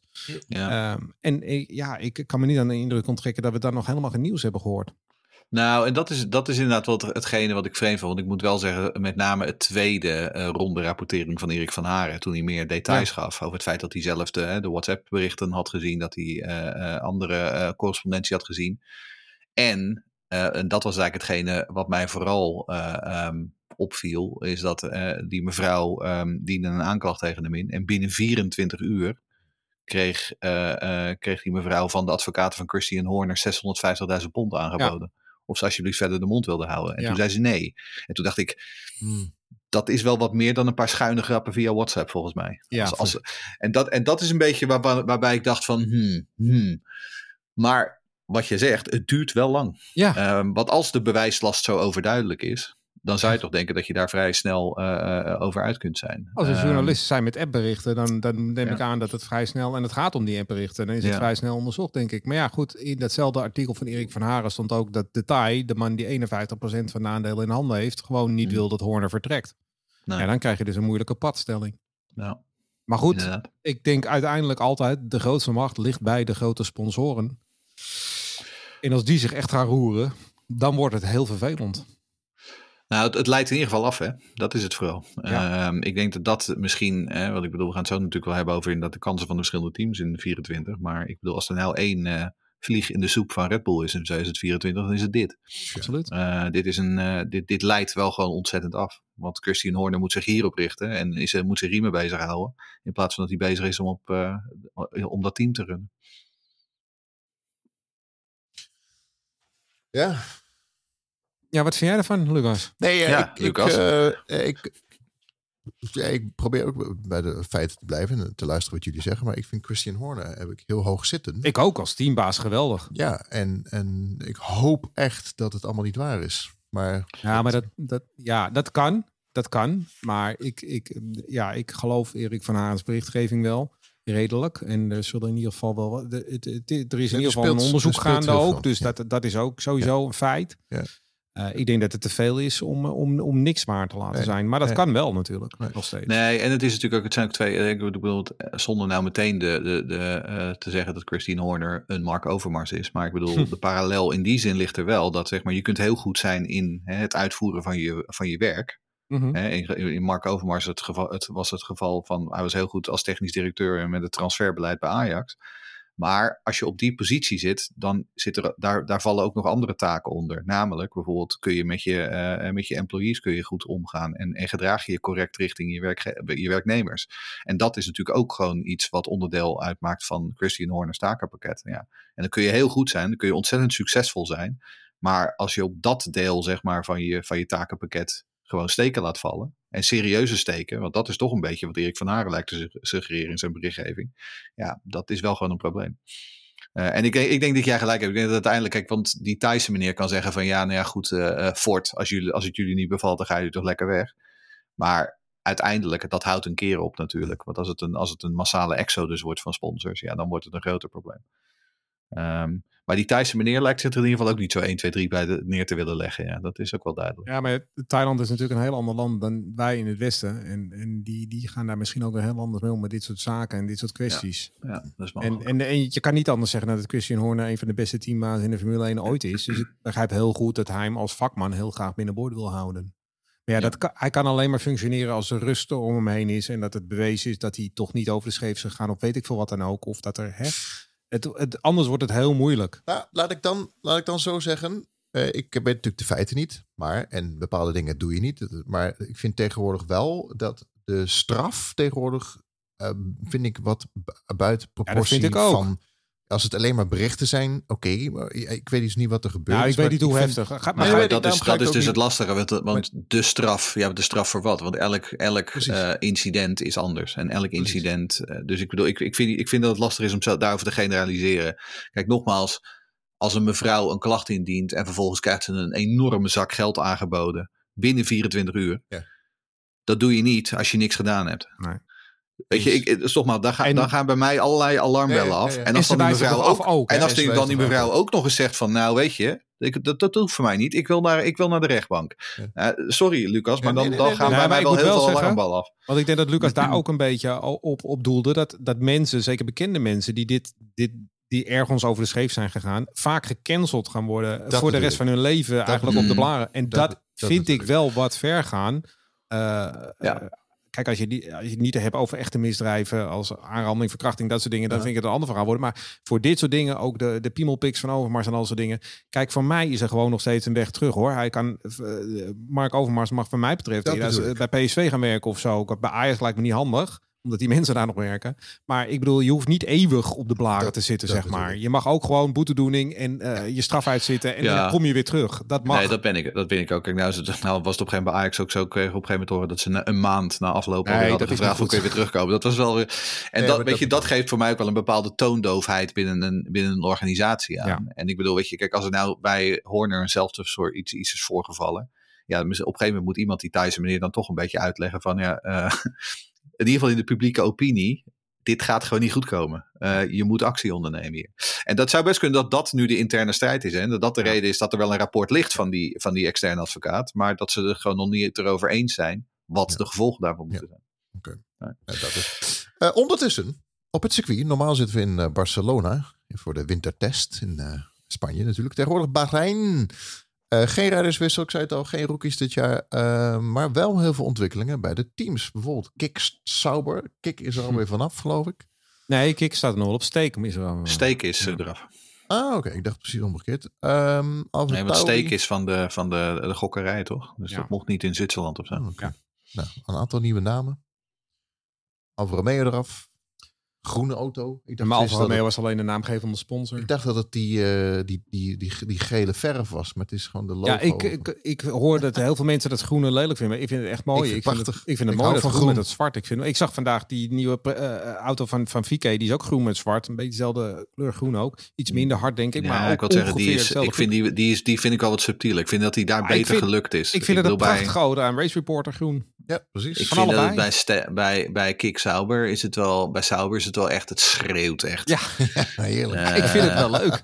En, en het is ook, weet je, dat zwart is natuurlijk ook geen mat zwart. Nee, het is gewoon carbon. Weet ja, je, dus dat, daar, en, dat, dat, en dat is ook iets wat me. Ja. Want ik moet wel zeggen dat de liveries, het is allemaal wel een beetje. Mat. Ik, weet je, het is, het is leuk dat ze allemaal dat carbon doen. En ik vind dat een aantal, bijvoorbeeld Mercedes en Alpine, die hebben het echt stijlvol opgelost. Maar er zijn er een aantal die, die. Ja, McLaren ook. Prima. Maar er zijn er een aantal die zich er echt gewoon een beetje. Uh, met een, uh, met een Jantje Vallei vanaf hebben gemaakt. Zonde. En dan hebben we nog de, de, de naam, de Visa, Visa ja. Cash App RB. ja, ik, ik vind het, aan de ene kant ben ik het met iedereen eens die zegt dat het een stomme naam. Uh, aan de andere kant vond ik de ophef ook alweer een beetje dat ik denk, ja weet je, wat, wat, kan mij dan schelen hoe ze ja. heten. Vroeger hadden we ook de meest belachelijke namen ertussen zitten. Ja. Ja. ja, maar dan heette de auto niet zo. En het team ook niet. Nee, en nu heet het de V-Carp 01 volgens mij. Heet die auto officieel. Ja, zoiets. Ja, ja, ja, de, gewoon de Minardi. Ja, vind ik ook. en Alfa Tauri gaat natuurlijk uh, Formule 1 sponsoren qua kleding. Ja, was ook weer op even over, want dat mag allemaal ja, dat niet. Maar dit vergeet, het zijn de mensen die dan vergeten Ja. dat er altijd een Aston Martin en een Mercedes voor eh, de, eh, als safety Ja. car voor de... Ja, ja. Weet je, zeggen. dat doen ze ook niet, Ja. eh, omdat ze dat zo leuk vinden. Die hebben ook gewoon een overeenkomst met, eh, met de organisatie. Dus dat is allemaal, weet je, poeh. Ik zat heel veel te bitchen, over bitchen gesproken, over de Red Bull presentatie ieder jaar. Die heb ik vorig jaar gezien. Dan moest ik ongeveer zes dagen voor de tv te kijken voordat er eindelijk een keer die auto in beeld was. Die precies hetzelfde was als het jaar daarvoor. Nou, maar Dit dit, jaar was niet. geweldig. Ik vind het echt zo stoer. Wat een stoere bak. Wat Ik vind het gewoon-. Het meest stoere vind ik gewoon dat je gewoon, je hebt veruit de beste auto die misschien wel ooit gemaakt is. En dan ga je het jaar erop, dan denk je, nou, dat wordt gewoon de RB19B. Ja. Nee, je gaat gewoon met iets. Dat vind ik echt super Nou, stoer. en het concept wat Mercedes toch er weer af... Die schouders, dat was toch een concept van Mercedes? Ja, die, dat. Die zijn er toch van Ja. afgeweken, toch? Ja, die zijn er weer van afgeweken, inderdaad. En, En blijkbaar heeft Red Bull er vertrouwen in. En ook die, eh, die inlets natuurlijk, die zijn een beetje Mercedes-achtig geweest, die ze toen destijds hadden met, eh, met de. Zero Sidepods. Nou, eh, Doen we de, nou is brievenbus van, doen we de brievenbus van Eddie Renewey. Ja, toen werd er nog even gesuggereerd dat, er, eh, dat de Zero Sidepods uiteindelijk ook op de Red Bull zouden komen. Maar dat is echt eh, naar het land der fabelen verwezen door, door Helmut Marko. Dat gaat niet gebeuren.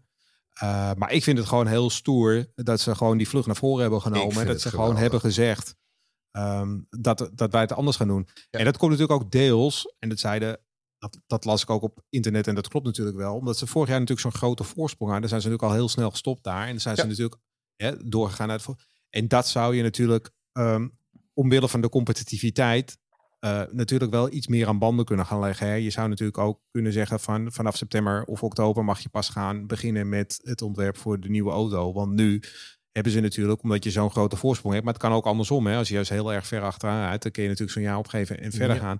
Eh, maar vooral met zo'n voorsprong, dan hou je zo'n grote voorsprong. Dus dan zou je kunnen zeggen inderdaad van het is niet meer de bedoeling dat je voor 1 oktober of zoiets gaat tekenen aan een nieuwe auto. Zoiets zou je wel kunnen gaan verzinnen. Ja, Maar aan de andere kant, ik vind het vanuit ja. Red Bull zelf vind ik dit wel heel super gaaf. Ze ja, dat, ze dit durven, dat ze dit durven. Ja. Nou, ja, of het goed gaat, dat moeten we allemaal nog zien. nou, Maar het, eh, het, ik vind Nou, het maar nu, voor mij Newey zei ook van, hij zegt als we door hadden geborduurd op het bestaande concept, dan hadden we waarschijnlijk voorsprong verloren. Ja. Omdat eh, de rest natuurlijk in principe gewoon naar onze auto kijkt en dat probeert, eh, eh, te eh, datzelfde concept probeert te volgen. Eh, dus het is, wat je zegt, het is, eh, het is inderdaad letterlijk een vlucht naar voren. Ehm, nou ja, in ieder geval op basis van de, van, van de tempo van, van Verstappen op de eerste testdag. Eh, ik, bedoel, ik ben blij dat hij niet 1,1 seconde sneller was dan de rest, want anders was het 2K nu al voorbij geweest. ik, ik denk dat het de auto is die het meest veranderd is. De meeste eh, verandering heeft meegemaakt ten opzichte Ja. van vorig jaar. Aerodynamisch denk ik wel, ja. Dat zou best wel kunnen, ja. ja. En, en nogmaals, mijn mijn vraagje. Ik, ik weet niet of, waar, Mercedes is van het concept afgestapt. Hmm. Maar blijkbaar heeft Red Bull er vertrouwen in. Heeft Mercedes niet zoiets van... Oeh, we hadden toch... door Ja, vast wel. Tuurlijk. Het is natuurlijk... Maar de uitvoering van het Red Bull concept is wel duidelijk anders dan Ja, die van Mercedes. Want die van. Mercedes werkte niet. En die van Red Bull Ja. lijkt toch wel gewoon te werken. Dus McLaren heeft er ook een beetje. Vond ik. Maar het is natuurlijk wel zo dat, dat, dat Red Bull daar ongetwijfeld wel iets van inspiratie uit gehaald Ja. heeft. Van, oh, dat is misschien... En dan delen van dat, hè, die inspiratie gebruikt hebben om een eigen ontwerp te Ja. maken. Dat, dat, dat, zoiets zal het wel geweest zijn, ja. ja. Ja. Maar ik, ik bedoel, ik lees overal dat Red Bull al bijna kampioen is. Zullen we ook nog even afwachten. We hebben wel vaker wintertests gehad waarbij het allemaal weer tegenviel. Maar ik, weet nog, ik weet nog heel goed toen die eerste Mercedes zonder, eh eh zonder sidepod, Ja. toen die naar buiten kwam. ja, ja. Toen, we- toen de heel internet stond in de fik. Hè? Ja. ja. Want ja, oh, nou het WK is voorbij. Oh, Ja. McLaren, oh, Mercedes heeft nu dat. Die hebben nu eh, zo radicaal anders. Ja. Nou, de Formule 1 is voorbij. Ja, voor ons bleek het alleen niet te werken. Klein detail. Ehm, dus ik, ik, dat ben ik wel met je eens. Maar wat ik vooral heel frappant vond, was het feit dat Max Verstappen op die eerste dag, ehm weet ik veel, 86.000 kilometer in dat ding reed zonder enige vorm van problemen. Sergio Perez stapt erin en meteen eh, vliegen die remmen in de fik en valt hij stil met de elektronica problemen. Dat vind ik wel opmerkelijk. Nou, zal dat wel te maken hebben met, met verschillende testprogramma's. Ehm, maar ehm, dat, dat, dat, dat geeft in ieder geval mij dan eh, als ehm, neutrale kijker nog wat moed. Dat nou, de Red Bull lijkt niet helemaal onfeilbaar nog. In ieder geval qua eh, betrouwbaarheid. Nou, wat ik, wat ik altijd wel vind, ik, met zo'n test moet je ook altijd een beetje kijken naar de reacties van de mensen. En ze zijn bij Red Bull Mm. gewoon zo mega relaxed en mega Ja. ontspannen. Ze hebben het ook totaal niet over de concurrentie. Hè. Bij Ferrari hoor je zeggen van nou, we hebben een goede auto en dan gaat het wel snel. Maar Red Bull is, dat hoor je ze bij Red Bull helemaal niet zeggen. Die zijn zo verschrikkelijk ontspannen dat ik echt wel geloof dat het seizoen begonnen eh, wordt met een voorsprong voor Red Bull. Ja. Eh, maar om nou meteen eh, de vierde wereldtitel aan hem te geven, dat vind ik ook een beetje weer vlot gedacht. Ja, dat kun je net zo goed geen Formule 1 kampioenschap rijden. Nee, daarom. Het zijn 24 races, hè. het zijn er nogal wat. Ik weet niet waar Ferrari allemaal nog mee gaat komen en al dat soort dingen meer. Dus eh, we moeten even wachten nog. Hele leuke vraag van Martin. Ja, Martin, eh, die wil weten eh, in welke race Checo Perez kampioen wordt. Eh, dat was natuurlijk ook gebaseerd op dat het fe- feit dat papa Perez schijnbaar weer in de Mexicaanse pers had geroepen dat dit het jaar van Checo gaat worden. Oh, Ehm, Ik hoop ja, het. ja, het, schijnbaar had hij weer ergens in Zuid-Amerika wat geroepen. Ehm, ja, god. Ach, ik, ik, weet je, ik hoop vooral dat Perez dit jaar gewoon een beter seizoen heeft dan in 2023. Want het was afgelopen jaar wel echt gewoon En dat hij huilen. in Mexico wint. Dat hij, ja, maar ook gewoon dat er gewoon, dat hij zich ook gewoon met enige regelmaat gewoon in die, standaard in die top 5 kwalificeert. Dat hij niet gewoon, terwijl Verstappen de ene pol naar de andere pol haalt en Ja. vervolgens eh, eh, staat Checo Perez weer ergens op P16 omdat hij niet de Q1 komt. Je, het, dat, het, gewoon een, een normaal, een standaard, saai, een Pax Wolle jaar wil ik voor, wil ik voor, eh, voor Sergio Perez. Ja, maar dat... Kijk, dat op Mexico winnen is misschien een brug te ver. maar in de eerste ronde eraf klappen, dat vind ik weer... Dat dan misschien weer niet. dat hoeft niet, zeg maar. Ik had een heel mooi filmpje gezien van Albon. Ik weet niet of jullie het ook gezien hebben. Die, ze vroeg aan hem, hoe, of, wat is nou Max Verstappen en waarom is hij nou zo goed? Dus had hij Ja, uit- ja, ja. met tijdje muis. geleden al. Ja. Ja. Dat hij dus eh, Albon had gezegd. Klopt. Van, nou ja, Max Verstappen heeft eigenlijk die. Stel je voor, je zit je muis het meest zenuwachtig meteen in scherp. Dat is Max Verstappen en dan wil hij het nog scherper. Ja, en dan moet je dan dus als een Perez, moet je met die muis, moet je, eh, moet je de hele dag op je computer, eh, die, die muis schiet alle kanten Mm, op. ja. Vond ik een hele goede metafoor. Mm. En dat geeft wel aan hoe, eh, hoe, die auto eh, op Max is eh, afgericht. En daardoor ja, dus waarom, en waarom zou je de auto, En, ja, en waarom zou je de auto niet op Max Verstappen africhten? Nee, tuurlijk, ik bedoel, snap dat ik. is de man die levert. Dat weten we, dat weten we natuurlijk ook. Dus het is natuurlijk ook een, een relatief ondankbare baan. Maar ik bedoel, wat Jeroen net zegt, ik bedoel, hij heeft wel zoveel, hè, wat ze in tennis unforced errors noemen, gemaakt vorig jaar.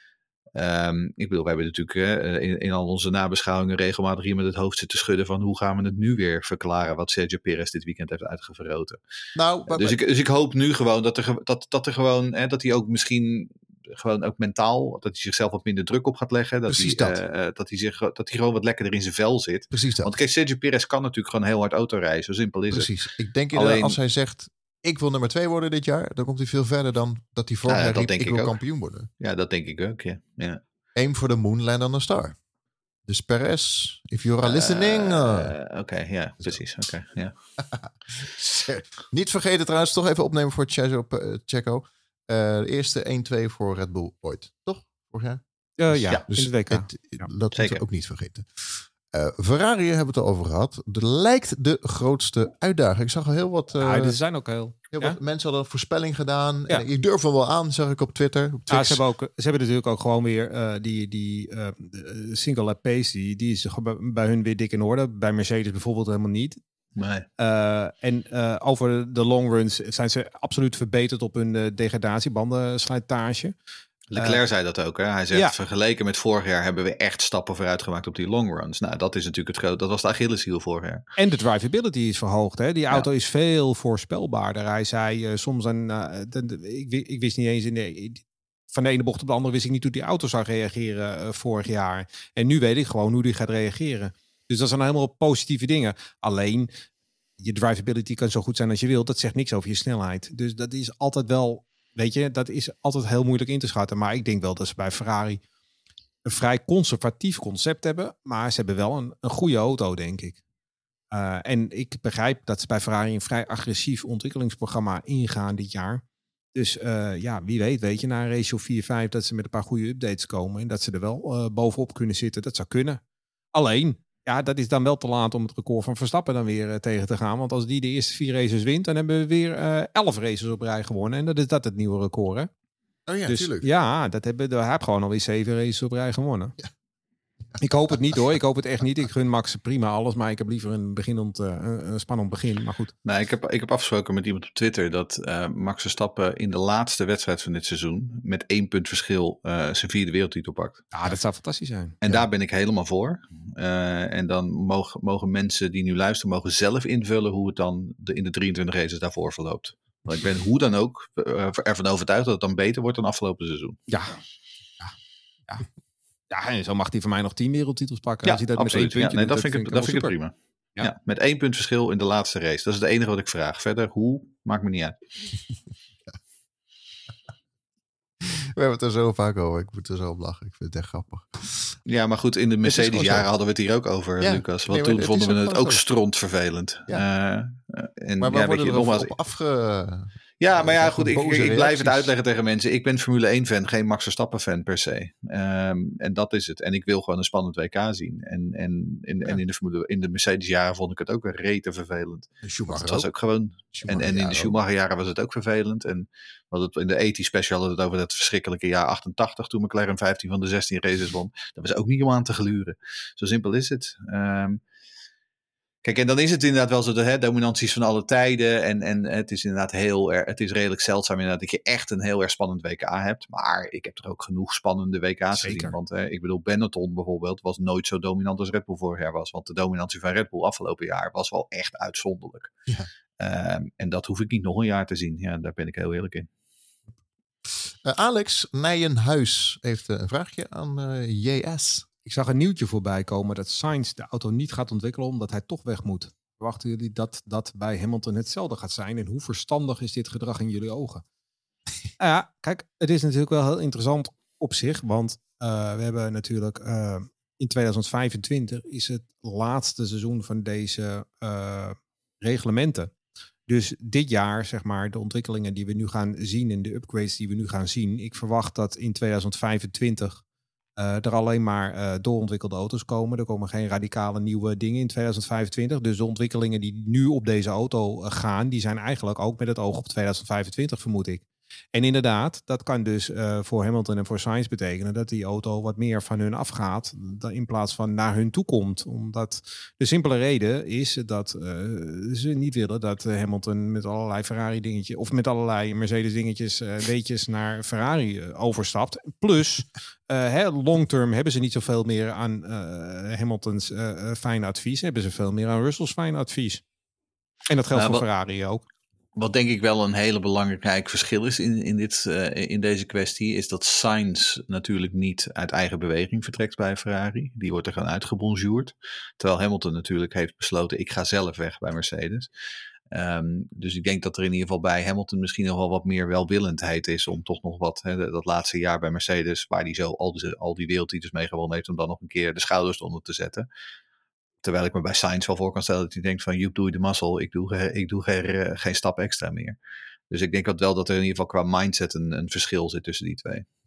Ja, ik, ik, ik, ik, ik wil ook zeker niet suggereren dat Hamilton achtergesteld gaat worden door Mercedes, want dat is niet het geval, daar geloof ik niet in. Maar ik denk wel dat er hier en daar een vergaderingetje over de, over de ontwikkeling van de auto is een keertje eh, niet uitgenodigd gaat worden, waar Russell hij, er wel bij hij niet zit. op de, dat hij niet op de CC staat, zeg maar. ja, nou ja, dat gaat zeker gebeuren. Eh, en hij moet natuurlijk niet met zijn roze mobiel fotootjes gaan zitten maken. Zoals van de week zo mooi. Ja, ja, daar was ook weer ophef over. Maar dat is gewoon aan de buitenkant van de auto. Dat kan iedere journalist doen. ja, maar dat doet hij expres. Heb jij hem ooit met zijn Blackberry een foto zien maken? Ja, pff, ik, Ik heb, echt geen flauw eh, idee. je weet hoe Lewis is. Die weet dat de camera's op hem gericht staan. Hij weet dat donders goed. Ehm, we gaan het zien, we gaan het zien. Maar is het bekend waar eh Sainz heen gaat? Ik als leek? Nee, dat is nog niet bekend. Nee. Dat is nog niet Nee. bekend. Nee, er wordt, Nee. Wel, er wordt, heel veel, er wordt heel veel over gespeculeerd, maar er is nog niks bekend. Hoe zit het met de Audi-ontwikkeling? Ja, dat zou kunnen. Nou maar ja, dan moet hij wel dat eerst een jaartje bij Sauber gaan rijden. speculatie. En, Ja. en dat is in 2025 rijden dan ergens dus achteraan de grid. Ja, Ja. Of ik weet niet of je dat wil. En dan moet je ook nog in dat knalgroen rijden. Dan moet je ook nog in het wel knalgroen rijden. Maar Jeroen Scholder vindt dat mooi. Het is, het is ongelooflijk hoeveel teams eh Sainz is geswapt. Je zou het bijna, bijna niet meer Ja. weten waar die allemaal al Dat is een gezeten jobhopper. Echt niet normaal. Eh, McLaren met issues, dat is jammer, want we hopen dat McLaren naar voren schuift. En vooral omdat we zo'n fan zijn van eh, Piastri. En Ehm, Norris ook. En Norris ook wel. Ja. Ja, ik had ja, een leuke een grap. Tenminste, LD gaat halen had een leuke grap. Nou, vertel. Oh, nou, er was een foto van eh, Norris. Die heeft tegenwoordig een snorretje en een baardje. Dus die had Snorris. ik eh, Lando Snorris genoemd. Jeetje, Mina. Die is toch leuk? Ja, Zie je dat? Ik, voel, ik voelde hem al aankomen. Hashtag, Snorris. hashtag Lando Ja. Snorris. Maar Ja, één like. ja, hartstikke, mij. hartstikke leuk. Eén like. en die was van jezelf zeker. Eh, maar goed, issues bij McLaren. Nou ja, ehm, het, het lijkt er wel op dat ze nog niet die snelheid hebben die ze aan het einde van het vorige seizoen hadden. Ten opzichte van eh, de rest inderdaad. Ehm, eh, ja, maar goed, weet je, het is heel vroeg allemaal. Ze hadden inderdaad, eh, ze hebben wat issues gehad en ze hebben wat, wat vaak binnengestaan. Dus het, ze hebben niet een ideale testweek gehad. Al deed Norris dat wel overkomen alsof dat allemaal niet uitmaakt. Dat maakt wel degelijk uit. Ehm, maar ik, ik verwacht wel een slow start van het seizoen voor hen, ja. Hmm, Om eerlijk te zijn. Ik, ik vind trouwens wel een, eh, goed dat ze dat blauwe hebben gedropt. Het is nu gewoon een, een oranje-zwarte auto. Dat vind ik een stuk mooier dan met dat blauw erbij vorig Ja. jaar. Dat vond ik zo niet mooi. Ja, ik vind het wel een coole bak. Ik hoop echt dat ze weer naar voren komen. Eh, ja, dat hoop ik Nou, sowieso. Want ik ik, heb- vind het twee hele leuke coureurs. Nou, en, en ik bedoel, vorig jaar rond deze tijd was het echt zak en hè, bij McLaren. Eh, het leek helemaal nergens naar. Ehm, dus op een gegeven moment race geloof ik 17 en 18 in Bahrein het gaat alle kanten op. Dus ik bedoel in die zin, weet je, ze hebben natuurlijk wel een enorme sprong gemaakt. En ze beginnen nu in ieder geval, al in ieder geval op, op een beter startniveau dan waar ze vorig jaar zaten. Dus wie weet inderdaad dat dan in die tweede seizoenshelft dat ze opeens gewoon eh, echt weer mee gaan doen om de knikkers. Daar Nou, hoop ik op. Ehm, bij Norris moet een beetje oppassen. Snorris. Snorris, omdat eh, Pi- Piastri, die zou wel eens eerder kunnen, zijn eerste kunnen pakken. Winst van, eh, Ja, die Piastri moet nog wel heel veel doen in race pace, hè? nou, Dat wel Ja, niet vergeten. Hè? dat Dat, is ook is zo. ook natuurlijk wat je bijvoorbeeld hebt met als je hè, over iemand als Antonelli. eh, vergis niet in de, in de, in de stap eh, naar de Formule 1 toe. Hè? Die is groot hoor. Mhm. Die is echt ik groot. weet er alles van. je rijdt naast. eh, eh, Als simracer. nee, maar je rijdt dan. eh, je komt dan ineens naast iemand als Norris terecht. En dan Yes. kunnen wij wel zeggen: ja, Norris is nog geen racewinnaar en al dat soort dingen meer. En die moet eerst maar eens bewijzen dat hij bij de top hoort. Maar Norris is echt wereldwijd gezien is hij absoluut een top 10 Ja. coureur van alle raceklasses in deze hele wereld. Hè? Mhm. Er is niemand, Mhm. bijna niemand sneller dan hem op de wereld. En dat geldt ook voor George Russell. Mhm. En als je daar als Antonelli naast komt te zitten, dan moet je heel, heel erg eh, aanhaken daar. Eh, en dat kan wel een tijdje duren. Dus, en dat zie je Ja. ook bij Piastri, die ik heel hoog heb zitten als talent. Ja. Nou, vergelijkbaar met Antonelli natuurlijk. Maar ehm, ja, weet je, die moet echt wel, dit jaar is ook een belangrijk jaar voor hem. Hij moet echt stappen gaan zetten. En eh, met name in de race. Ook dat gaan we weer zien. Ze hebben wel meer sponsoren erbij, heb ik eh, begrepen, McLaren. Dus nou, wie weet eh, waar het om Nou ja, dat was het. Hè. Het was ooit zo, was het zo dat er bijna geen sponsoren op dat ding Ja. stonden. Kan ik me nog heel goed herinneren. Eh, en ze hebben nu inmiddels in IndyCar hebben ze een, een partnership met een ander team gesloten. Omdat ze te veel sponsoren hebben die ze niet meer op hun auto passen. Oh, Dus dat- die zetten ze nu. Ja. dus ik bedoel, het is wat, wat dat betreft, dat onder Zack Browns eh, eh, leiderschap is het inderdaad commercieel gaat het een stuk beter bij. eh, Beetje zoals. Race Reporter. We hebben- we Ja, hebben precies dat, ja. sponsoren dat we... Dat we nu gewoon klaar zijn. Ja, precies. Ja. Alpine! Stijf achteraan eh, met Haas. Eh, dat is, eh, ja. Nou, dat wordt een beetje lachwekkend als ze inderdaad eh, dit jaar eh, bij de achterste drie auto's horen. Dan, dan wordt het wel heel, heel erg triest voor het Ja. merk Renault. Hè? Want het is natuurlijk al jaren zo. Hè? Al jaren zijn ze de mega underachievers. Het is een fabrieksteam. Eh, ze komen eh, absoluut niet naar voren toe. Iedere anderhalf jaar hebben we een heel nieuw management daar. En wordt iedereen eruit gekwakt. Dan komen er weer allemaal nieuwe poppetjes te zitten. Eh, ze hebben een aardig rijdersduo. Die zou het goed moeten doen. Ja, weet je, Team Enstone, er is heel weinig meer van over eigenlijk. Het is, Echt, ik, ik, ik weet ook niet zo goed meer wat daar allemaal nog... Ja, als ze dit jaar weer een heel slechte seizoenstart hebben, dan wordt het wel echt een beetje lachwekkend en een beetje triest. Moet Ja. ik eerlijk Ja. zeggen. Nou ja, en het is natuurlijk nog steeds het enige team dat verder geen, eh, geen motorenklant heeft. Nee, ook niet. Dus Nee, ik bedoel, ook, op- ook daar schieten ze tekort inderdaad. Ja. Ehm, nou ja, weet ik veel. Misschien wordt Alpine op termijn wel aan de Andretti's verkocht. Nou ja, ik, ik vraag me wel af hoe lang dat nog eh, getolereerd gaat worden vanuit, eh, vanuit Frankrijk. Ja. Ze moeten gewoon weer Vanuit- fuseren, fuseren met Williams, Williams Renault. En dat Alpine verkopen. Of Williams Alpine ook goed. Maar dan hebben we twee teams, dat is het allebei niet. Ja, maar het, is, één. eh, Renault is zo'n grote speler in de Formule 1. Hè? En die bedoel, in die story, in de kwamen altijd terug, noem het maar op. succesvol. eh, Prachtige gele auto's. eh, Met Williams Renault, noem het maar op. Ja, En, en dit is gewoon al, al sinds, sinds we overigens zijn gestapt op hybride. Want Red Bull heeft natuurlijk ook heel lang over hen geklaagd en ze er uiteindelijk uitgegooid. En sinds we is het gewoon echt een schim van zichzelf geworden. Ja. Echt een schim. Ricciardo heeft er toen nog één goed jaar mee gehad in die, eh, in die, eh, dus die Infinity, die, die zwart-gele. en ook Con heeft een race gewonnen. Inderdaad. Ja, ook Con heeft een race gewonnen inderdaad. Ja. Maar het is... ehm, nou, het is meer gewoon dat je denkt weet je, dat, dat ze als team daadwerkelijk gewoon echt... Het lijkt erop dat ze gewoon echt flinke stappen achteruit gemaakt hebben. Weet je, dat, dat er... Het is niet eens zo zeg maar van nou, we zitten nog steeds rond plekje 5. Nee. Nee, het, ze, ze zijn er ook, wat Gasly, ik bedoel, daar was ik uh, eerder vandaag een gesprek mee. Nou, dat, die, die, is, die loopt echt met zijn ziel onder zijn arm. Ja. Um, en, dus, en we, hebben het, we hebben het hier al eerder geconcludeerd, aan die rijders ligt het niet. Want Gasly nee, nee, nee, Ocon is gewoon een heel goed rijdersduo. Ja. Maar uh, nee, het is, het, is, het is huilen. En daarom, want Harm van Hoofd die vraagt welk team was vorige week het beste in sandbagging. Nou, ik, ik hoop dat het Alpine is, maar als ik uh, naar de reacties van de, van de coureurs en alles keek, denk ik dat dat echt niet zo is. Die hebben gewoon echt een mega probleem. En of ze inderdaad laatste of ene laatste staan met haar, dat weet ik niet. Misschien wordt het wel het vierde team van achteren, maar het is niet best. Nee, en ik nee. denk welk team het meeste sandbags. Nou, ik vrees dat het Red Bull was, moet ik eerlijk zeggen.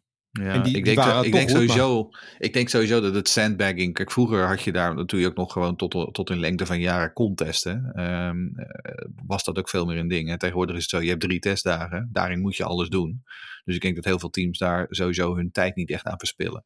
Kijk, je zal natuurlijk sowieso je motoren zet je natuurlijk sowieso nooit op 100% open. Want dat heeft natuurlijk helemaal niet zo heel veel zin. Maar echt het klassieke sandbaggen van nou, we gaan nu gewoon eens even lekker uh, uh, stijf drie seconden langzamer rijden dan wat we kunnen. Dat, nou, dat, dat, ik geloof dat dat sowieso niet meer gebeurt. Nee, maar je kan natuurlijk wel iets meer benzine erin gooien, want dat maakt op zich niet zoveel uit. Uh, dus dat kan je doen. Ik, maar ik, dat, ja, weet je. Ja, maar dan, is de, dan is, maar dan is de focus niet op sandbaggen. Dan doe je dat omdat je ja, ja, meer je wil focussen op long runs simulaties. Hè? Dat is dat Verstappen op een gegeven moment een hele Grand Prix ging simuleren.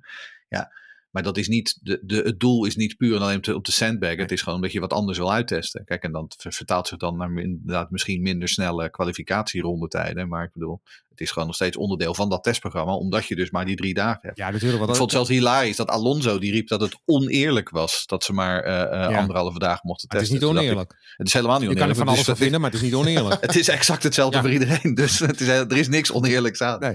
Maar als je, wat, als je echt had gewild als Verstappen gewoon in, die, uh, in dat laatste halve uurtje toen de, toen de avond was gevallen. Als hij toen gewoon uh, op, uh, met een lege tank en nieuwe bandjes had gereden. Had hij gewoon de snelste tijd van de dag gehad.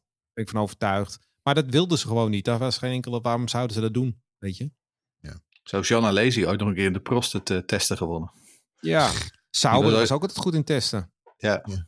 Ja. Maar Alesi, dat was toen dat jaar, dat laatste jaar van Prost. Toen, uh, toen, toen, hadden ze sponsoren nodig. Dus toen Alesi die deed, had een glory run, zeg maar, om vijf uur s middags. En die was de snelste tijdens de, de, de F1-test op Barcelona. Ja, dat ging nergens over. En toen, ging, en toen gingen ze naar Melbourne en toen stond hij 19 op de grid. Ja. Hey, over, je, hebt er geen, je hebt er geen hol aan. Bij, hey, over Sandberger gesproken, we hebben één team helemaal niet benoemd. Nou? Aston Martin. Verwachtingen nee. daarvan? De we hebben ook Williams niet echt benoemd. Uh, ik nee, heb geen verwachtingen. Klopt, maar Alonso deed het vorig jaar goed. Ja, maar het is zo moeilijk om te zeggen. Ik denk dat we gewoon, weet je wat, we hebben allemaal de verslagen gelezen van de race en van motorsport en uh, van al die, uh, die knappe kop, de Mark Hughes van deze wereld. Die hebben dat allemaal al gezegd. En ik denk dat dat ook ongeveer is zoals wij het seizoen ingaan met die gedachtes. En uh, Aston Martin zal daar ergens uh, rond Mercedes en McLaren daar ergens uh, plek, vechten om plek 3, 4, 5. Zoiets is okay, de verwachting. Dus niet, niet zoals vorig jaar.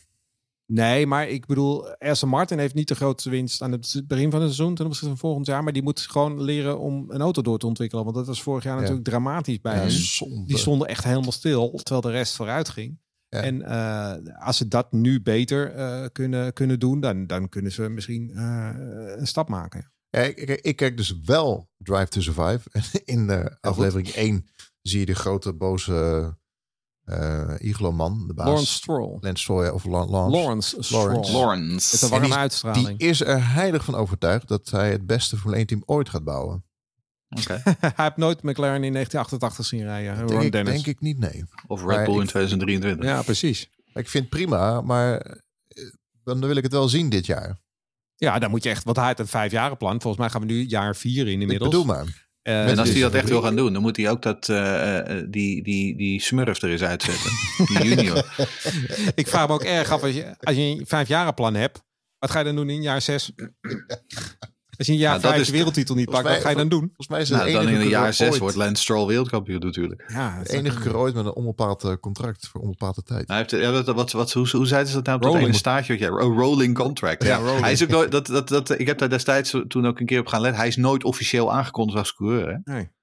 Ze hebben nooit officieel uh, gezegd van hij is daar gewoon. hij hoort gewoon. Hij is zeg maar net als die stoel zeg maar in de receptie. Dat staat daar gewoon. Dat, hij, dat, dat, dat, dat, is, het is heel gek. Niet. Nee, ze kondigen hem nooit officieel aan ook als, als coureur. Nee, het, is, het is ontzettend raar. Nee, maar ik ben wel benieuwd. Het wordt denk ik wel de op of de ronde voor een komend jaar. Maar dat gaan we ook zien. Nou, het is ook misschien een team waar de mogelijkheid is om dat misschien over een jaar of twee eh, te koop te zetten. Ja. Ja, Ik, denk nog ste- ik denk nog steeds dat dat zo'n lange termijn plan is. Ja, Gewoon dressing up the bride en dan verkopen aan de hoogste bieden. Ja, dat, dat denk denk ik ik. echt. Uiteindelijk zal hij ook. Ik denk dat hij diep van binnen ook wel weet dat Lance Stroll nooit wereldkampioen zal worden. natuurlijk niet. Eh, dit, dat zal hij van binnen ook wel weten. Maar ja, het is goed dat je ambities hebt en dat je het uitspreekt. Dat is denk ik allemaal prima voor sportteams. Maar het beste raceteam Ja, ooit vind ik dan wel weer een beetje overdreven. Dat is een beetje- dat is een voor die beetje, wereldtitel, dat is prima. Hyperbol. ja. Maar ja, het beste team ooit, denk ik. Ja, pff, kom op. Maar het is wel ambitieuzer dan te zeggen we willen dit jaar negende worden. Ja, dat is waar. Ja, nee, dus ik, ik snap die ambities, maar dit gaat wel ver. Ja, volgens mij is Race Reporter de achtste grootste Formule 1 podcast van Ja, maar we wilden de beste podcast ooit worden. Ja, wij- Zevende, wij worden de zevende grootste. Lucas. Grootste Zevende. ooit willen we. De Internationaal zevende, ook. En de meest Ja, groe- ja. de groenste ook. En de We zijn absoluut de groenste. En, en die de Jeroenste. Met Ja. meteen een mooi We willen ook bruggetje. groter worden dan al die Engelse podcasts. Meteen, eh, meteen een mooi bruggetje. De me- dus wel de grootste onafhankelijke podcast. Dat zeker, er ja. En die moet het hebben van donaties. Mede dankzij de donaties zijn we sinds eh, vorige week eh, Twix Premium. Is zeer waarschijnlijk Jee. opgevallen. Prachtig. Help Race Reporter de donkere winterdagen door. Alhoewel het voelt als een herfst. Support Race Reporter. Ga naar f1podcast.nl en klik op die mooie knop, knop doneer. En weer een eh, mok verkocht aan Harry. Volgens mij heeft hij er al drie besteld. Want hij laat ze steeds vallen. Dus daar ben ik heel blij mee. ja. Dan bestelt hij weer een nieuwe. Hij heeft hem vandaag eh, in de post gekregen. Ook voor de Race Reporter mok f1podcast.nl. Niet wokken, lekker mokken. Precies. Hoeveel heb jij er nog, eh, Jeroen? Je hebt ook eh, drie, vier Ik, van mij. eh, ik heb er zelf nog een paar, geloof ik, gewoon in doos staan, geloof ik. Als, zeg maar, als backup. Eh, maar ik heb er inderdaad, ik heb er twee in mijn zomerhuis. En ik heb er twee of drie hier. Dus ja, ik heb er inderdaad wel een paar, ja. Eh, vooruitblik op de Le Grand Prix Le Ba- Bahrein. Eh, wat raar dat we op zaterdag gaan racen, joh. Is dat Ja, voor dat de heeft te maken met de Ramadan. De Ramadan. Niet, dit weekend, maar dit weekend erop in Saudi-Arabië. Maar je moet dan wel weer zeven dagen tussen twee Grand Prix hebben. Dus dan moeten ze deze ook vervoegen naar zaterdag. We hadden dat vorig Ja. jaar toch ook? Want toen had ik geroepen, ik dacht dat ik gelijk had, maar ik had natuurlijk weer research gedaan. Dus ik had geroepen, ja, dit wordt de, de, de eerste wereldkampioenschap wat op zaterdag wordt bepaald. Maar dat was dus helemaal niet zo. Was iets nou, bepaald. staat- ik denk ook niet dat, er, dat het kampioenschap wordt Nee, dat staat op, racereporter.nl heb ik het helemaal eh, uitgeschreven. Maar eh, dus, dus dat we al voor de tweede keer in eh, twaalf maanden op zaterdag een race hebben. Dat gebeurt En volgende week de derde keer. Seriously? Seriously? Jij weet, jij weet ook alles. hè? Serial, Nee, ik weet niet alles. seriously. Maar dat weet ik Jij wel. weet ook bijna alles. Eh 2 maart. dat is alweer heel snel. Om eh 4 uur in de middag. De race, kwalificatie 1 maart. Om 5 uur. Geen sprintrace, godzijdank. Heerlijk, lekker rustig. Nou, Bahrein is meestal nog wel een aardig circuitje qua... eh, kijk, het, het, het, Het is van de zandbakken. Is Het heeft het geen uitstraling, maar het is best wel. Je kan er wel op racen, zeg maar. Er is altijd Ja. wel wat te zien. En ik ben wel, wat ik wel benieuwd ben, dat hebben we nog niet eens gezegd, maar eh, we halen die, die malle, dat je twee ronden zonder DRS wordt nu één ronde zonder DRS. Dat kan nog wel een verschilletje maken. Hè? Want Max had natuurlijk altijd de neiging om in twee rondjes nou net even buiten een seconde te gaan rijden. Ja, dat gaat nu dus even niet meer lukken. Dus dan hangt Leclerc nog steeds in zijn staart. Want dat zijn de nummers 1 en 2 natuurlijk na één ronde, dat weten we allemaal. Eh, dus dan hangt hij nog steeds in zijn staart, die Leclerc. We hadden hier toch ook dat korte baantje ooit? Ja, Die Shakir, Ja. vond ik leuk. die Perez gewonnen. Ja, die vond ik Ja. leuk.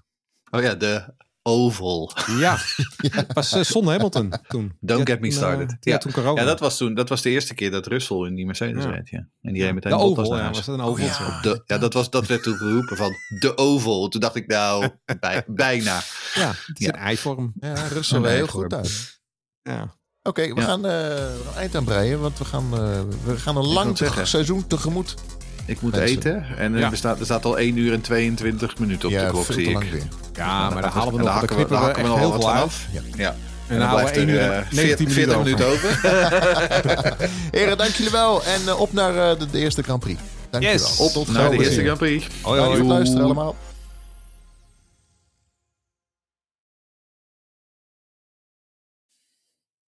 Nou, ging goed toch? Ja, fantastisch. Oh, dat je nog even voor het nageslag? Kun jij dat doen? prima. Graag, alsjeblieft. Hoppakee. Podcaston.